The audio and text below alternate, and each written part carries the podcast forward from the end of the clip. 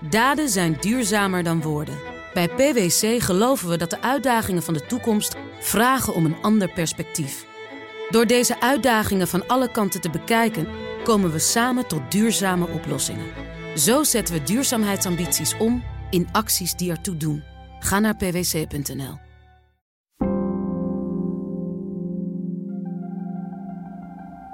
Kijk, als ik alles geweten had, was ik er nooit aan begonnen. Maar ja, dat is achteraf. En ik woon hier op platteland en eigen gezien. En achteraf kijk je in koer en de kont, zeg ik altijd. Dus kan ik zo weinig mee. Ik ben er tot op de dag van vandaag nog steeds niet achter of dit nou allemaal gefaked is. Wat natuurlijk heel goed kan. Dan heeft het echt heel goed gedaan. Of wat natuurlijk ook nog zo kan zijn, is dat het gewoon wel echt heeft gewerkt. En dat hij gewoon op een gegeven moment zoveel heeft verdiend dat hij heeft gezegd van joh, ik steek het gewoon lekker in mijn eigen zak. Dat hij gewoon echt wel heel veel geld heeft verdiend en het gewoon in zijn eigen zak uitgestoken. Maar het systeem op zich wel werkte, dat weet ik gewoon niet. Dit is het tweede seizoen van Achter gesloten deuren. Daarin ontrafel ik, Pauline Schuster, samen met mijn collega Sonny Motke de grote beloftes van influencers. In deze aflevering hoor je van de beleggers die van de ene op de andere dag niet meer bij hun rekening konden toen Ginta Invest van de aardbodem verdween. Over de finfluencers die hen hadden verteld dat het een goed idee was om hierin te stappen en daar zelf veel geld mee hebben verdiend. En we gaan op zoek naar Michael, het gezicht van het bedrijf. Dit is aflevering 3. De jacht. Een op andere dag op zwart. Niks meer. Niemand komt meer in het platform. De websites zijn weg. Uh, YouTube-filmpjes zijn verwijderd. Je kunt wel nog uh, Twitter-accounts vinden uh, met allemaal berichten. Maar de, de inhoud en de contactgegevens, voor zover je daar al wat aan had, allemaal footsie. Je hoort Sonny vertellen over de dag dat de website van Ginta Invest op zwart ging. Zo'n zes jaar was Ginta actief geweest in Nederland. Hun belofte was: met ons algoritme kun je profiteren van de verschillen in de wisselkoersen van valutaparen. Ook wel bekend als forex-arbitragehandel. Jarenlang leek dat goed te gaan. Het beloofde rendement kwam netjes binnen. Rode vlaggen waren er wel. Het bedrijf was gevestigd op de Marshall-eilanden. Het had geen vergunning om in Nederland actief te zijn en op de website kon je niet vinden wie er nou precies achter zat. Toch staken honderden beleggers er geld in.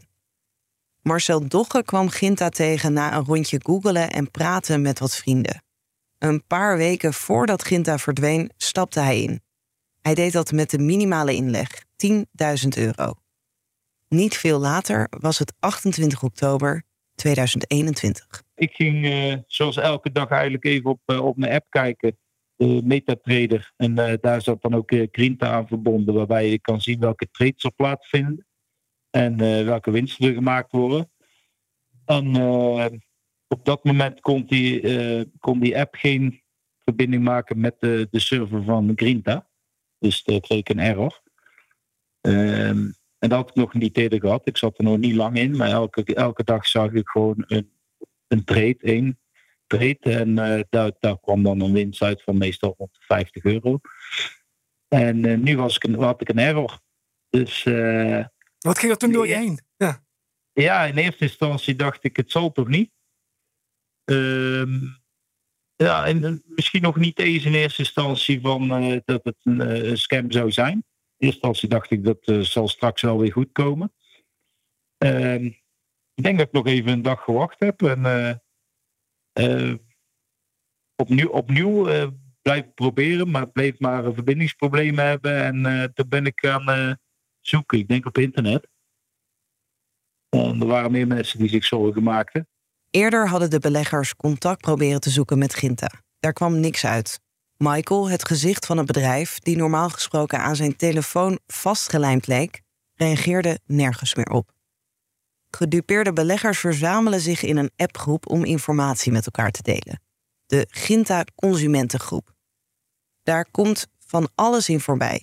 Theorieën over hoe Ginta in elkaar zat, bankrekeningnummers, gegevens uit de Engelse Kamer van Koophandel waar Ginta ooit gevestigd leek, maar ook praktische tips over hoe je je paspoort kan laten vervangen als je bang bent dat je gegevens nu op straat liggen. In de groep ontstaat ook een zoektocht naar Michael.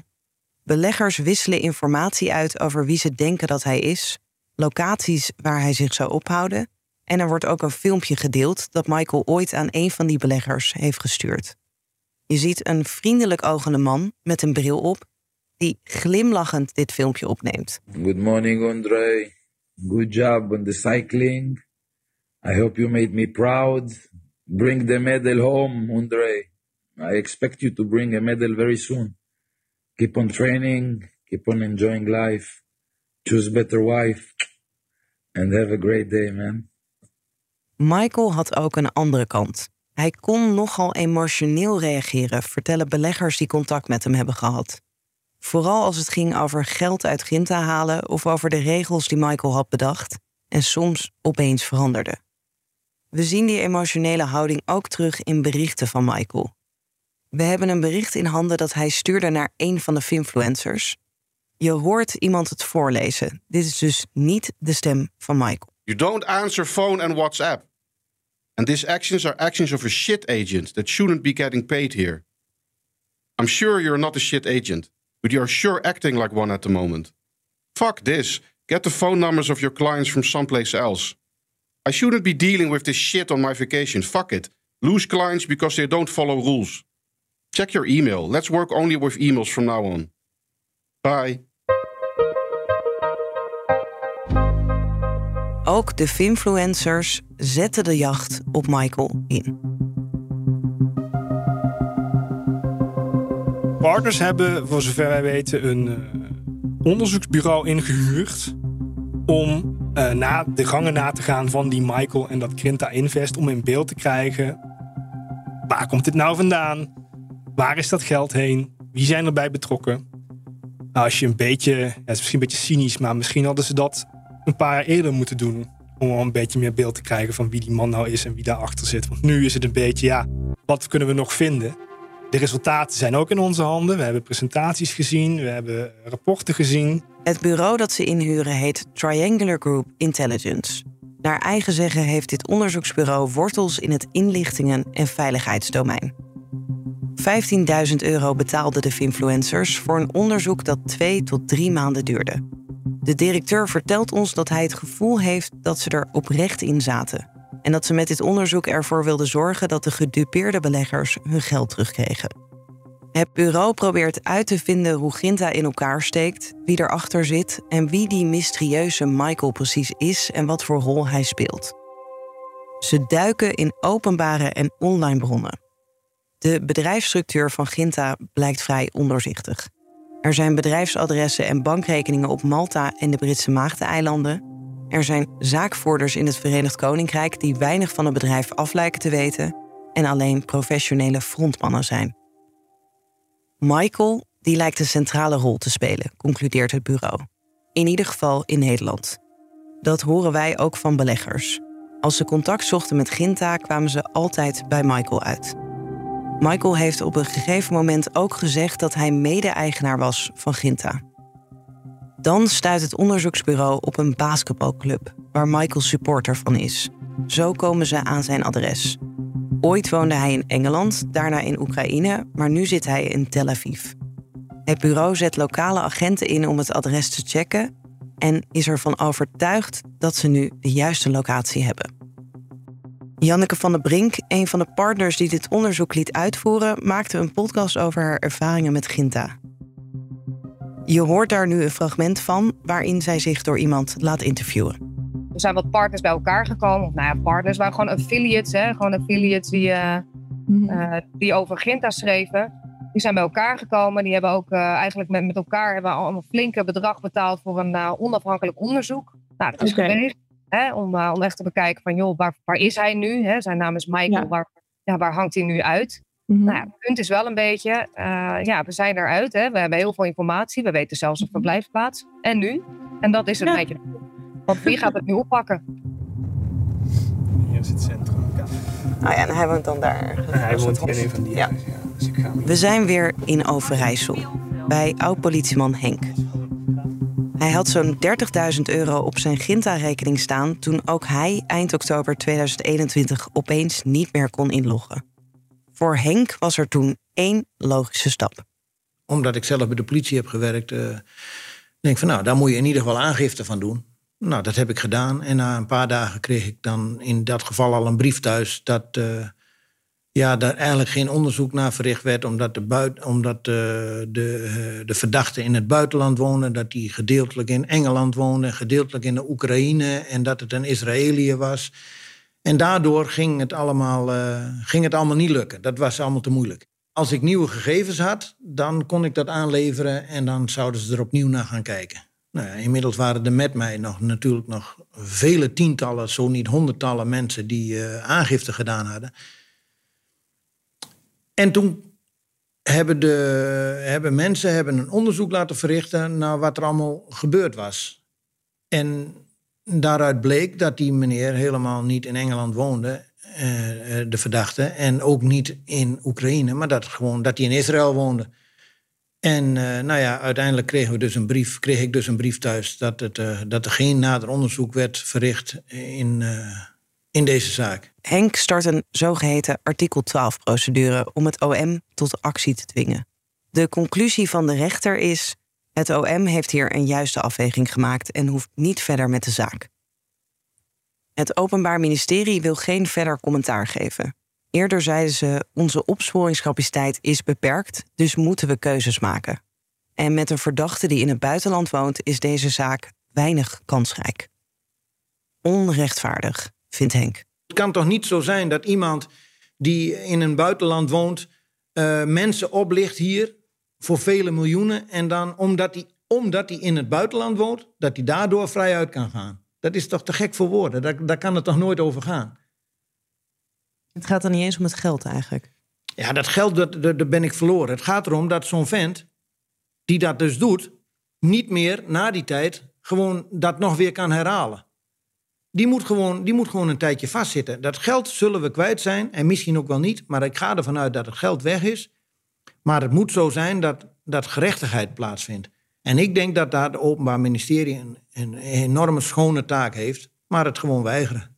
Nou, daar heb ik moeite mee. Ik heb zelf een deurwaarder, een bevriende deurwaarder uh, ingeschakeld. En via hem ben ik in contact gekomen met een advocatenkantoor in Amsterdam... die heel wel mogelijkheden inziet. En ik moet eerlijk zeggen dat die erg veel werk verricht en onderzoek heeft verricht. En uh, ja, ik, ik, denk dat die heel erg goed bezig zijn. Mijn naam is Lex Keukens. Ik ben uh, advocaat, partner bij Tekens Advocaten. En ja, ik ben gespecialiseerd in intellectueel eigendomsrecht, privacyrecht.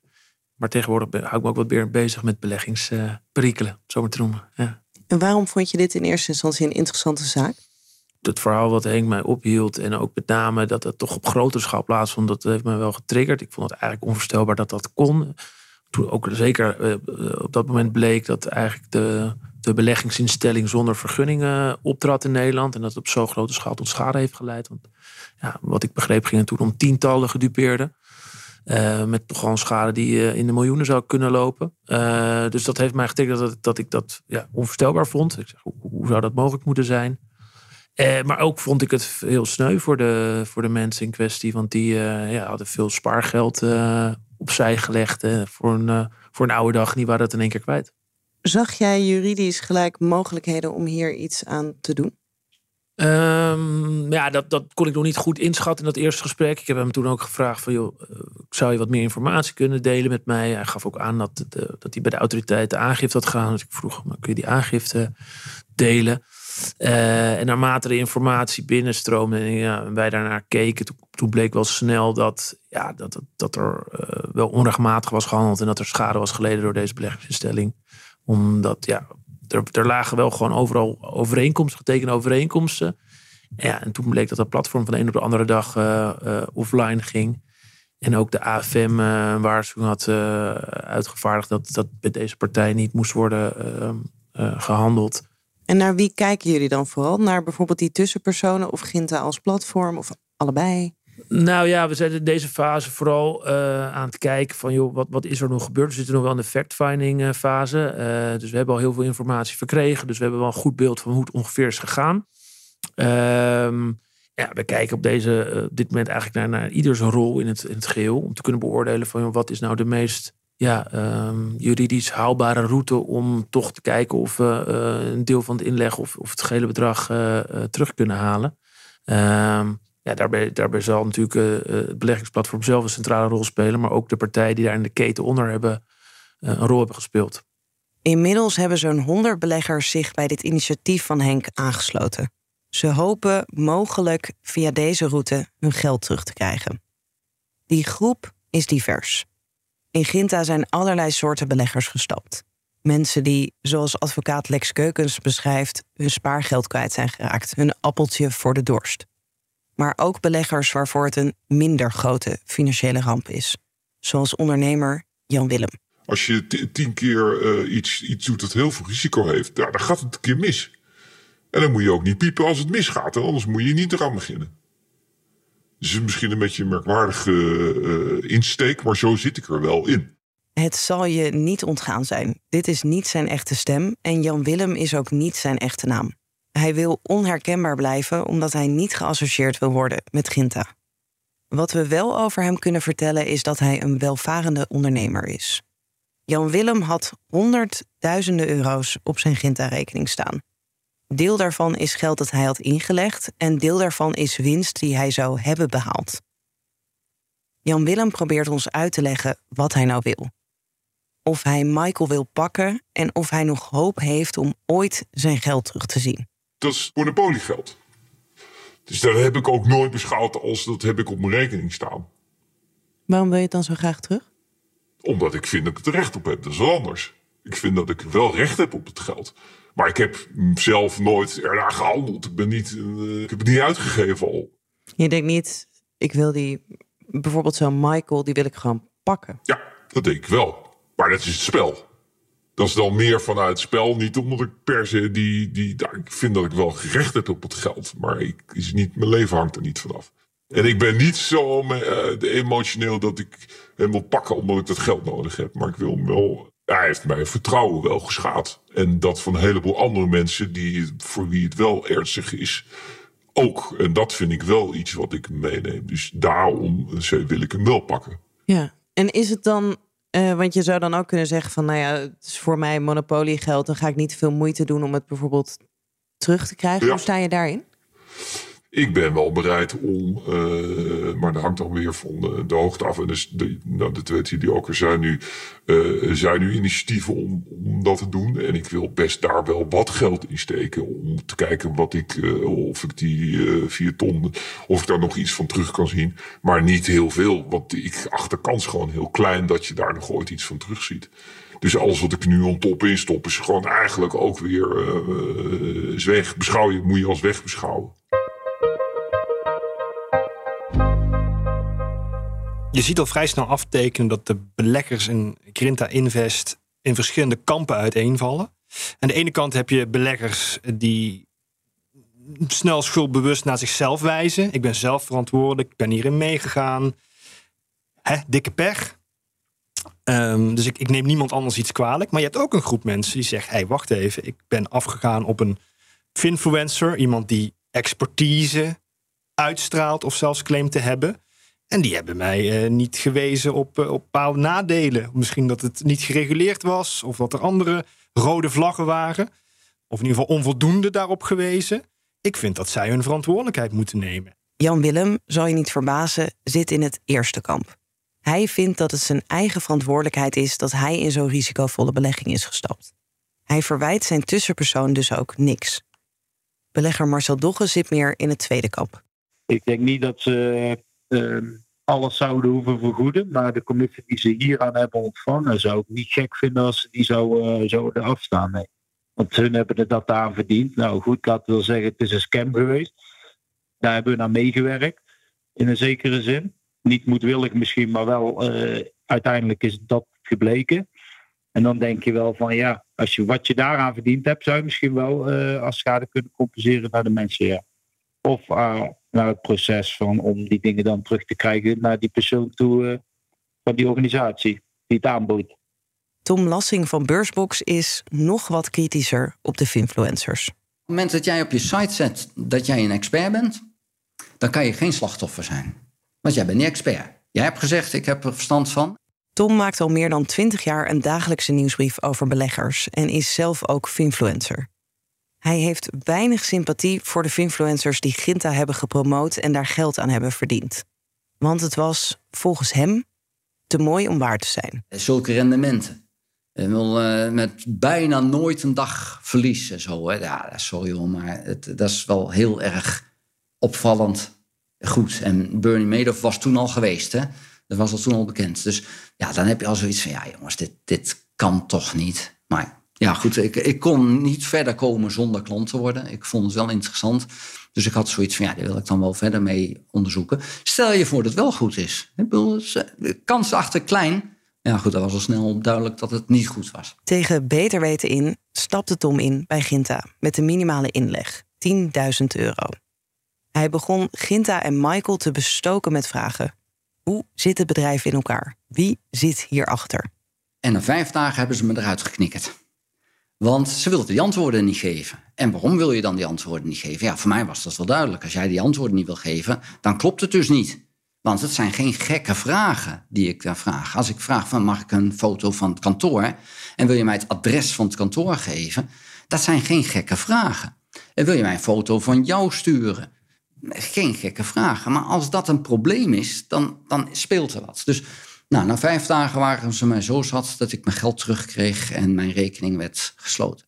Tom heeft de bonusschema's die Ginta aanbood aan de partners ingezien. Zelf krijgt hij ook wel eens betaald door partijen waar hij over schrijft, maar dit soort commissies had hij nog nooit gezien. Grof geld verdienen. Als je daar echt iemand binnenkreeg die met 10.000 euro's eh, erin ging, 100.000 euro, dan, dan ging jij minstens met 10.000 naar huis. Dus dat was echt wel grof geld. En is er ooit een moment geweest waarop je dacht: als ik die bonus scheme zo zie, dan en ik ga dit promoten, dan kan ik er zelf ook flink geld aan verdienen? Nou ja, en als het goed was geweest, en, en ze waren met die vragen, die antwoorden waren gekomen, dan had ik daar gigantisch binnen kunnen lopen. Maar het was niet goed. De finfluencers die betaald kregen om beleggers aan te brengen, zien zichzelf als slachtoffer. Zij zijn hun eigen geld ook kwijt en in de praatjes van Michael en Ginta getrapt. Ja, sneu voor ze, maar ze hebben er ook geld mee verdiend. En uh, daar hebben ze het dan niet over. Dat ze dat geld dan in Ginta hebben laten zitten en dus genaaid zijn door Michael, ja, dat is hun fout. Dat hadden ze anders moeten regelen. De cruciale vraag is: waar houdt uh, slachtofferschap op voor die tussenpersonen en zijn ze medeplichtig? Hè? Uh, ook die mensen die het dan laten lopen. Ja, ik heb geen idee. Ik, ik heb geen idee waar en hoe dat loopt. Maar er zijn andere instanties voor, denk ik, om dat uit te zoeken. In de volgende aflevering duiken we in de regelgeving.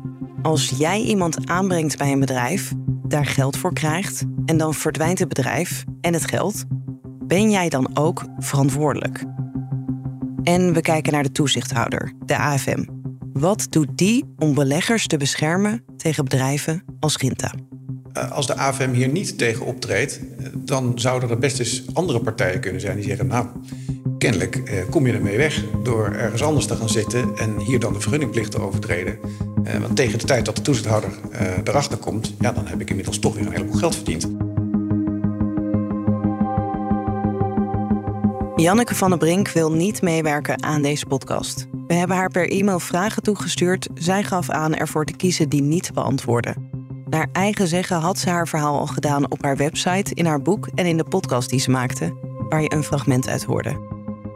Ondanks pogingen hebben ook wij, Michael en Ginta, niet kunnen bereiken. Heb jij nou informatie over Ginta of een van de betrokkenen, dan horen we graag van je. In de show notes vind je hoe je ons kunt bereiken. En dan nog even dit. In de eerste aflevering van dit seizoen van Achter Gesloten Deuren hoor je in de intro een quote van finfluencer Rabi Savi, ook wel bekend als de belegger. Savi heeft aangegeven hier niet van gediend te zijn en erop gewezen dat hij geen toestemming heeft gegeven. Daarmee is ongeoorloofd gebruik gemaakt van het audiofragment van Rabi Savi. Achter gesloten deuren is een podcast van het FD. Dit tweede seizoen is gemaakt door Yilda Bijboer, Sonny Motke en mij, Paulien Schuster. Muziek en mixage door Gijs Vriezen en het bericht van Michael is ingelezen door Joost Akkermans. Zoek Achtergesloten Deuren even op in je podcast-app en abonneer je. Dan krijg je automatisch de nieuwe afleveringen binnen. En je vindt daar dan ook ons eerste seizoen over Gerard Sandrik.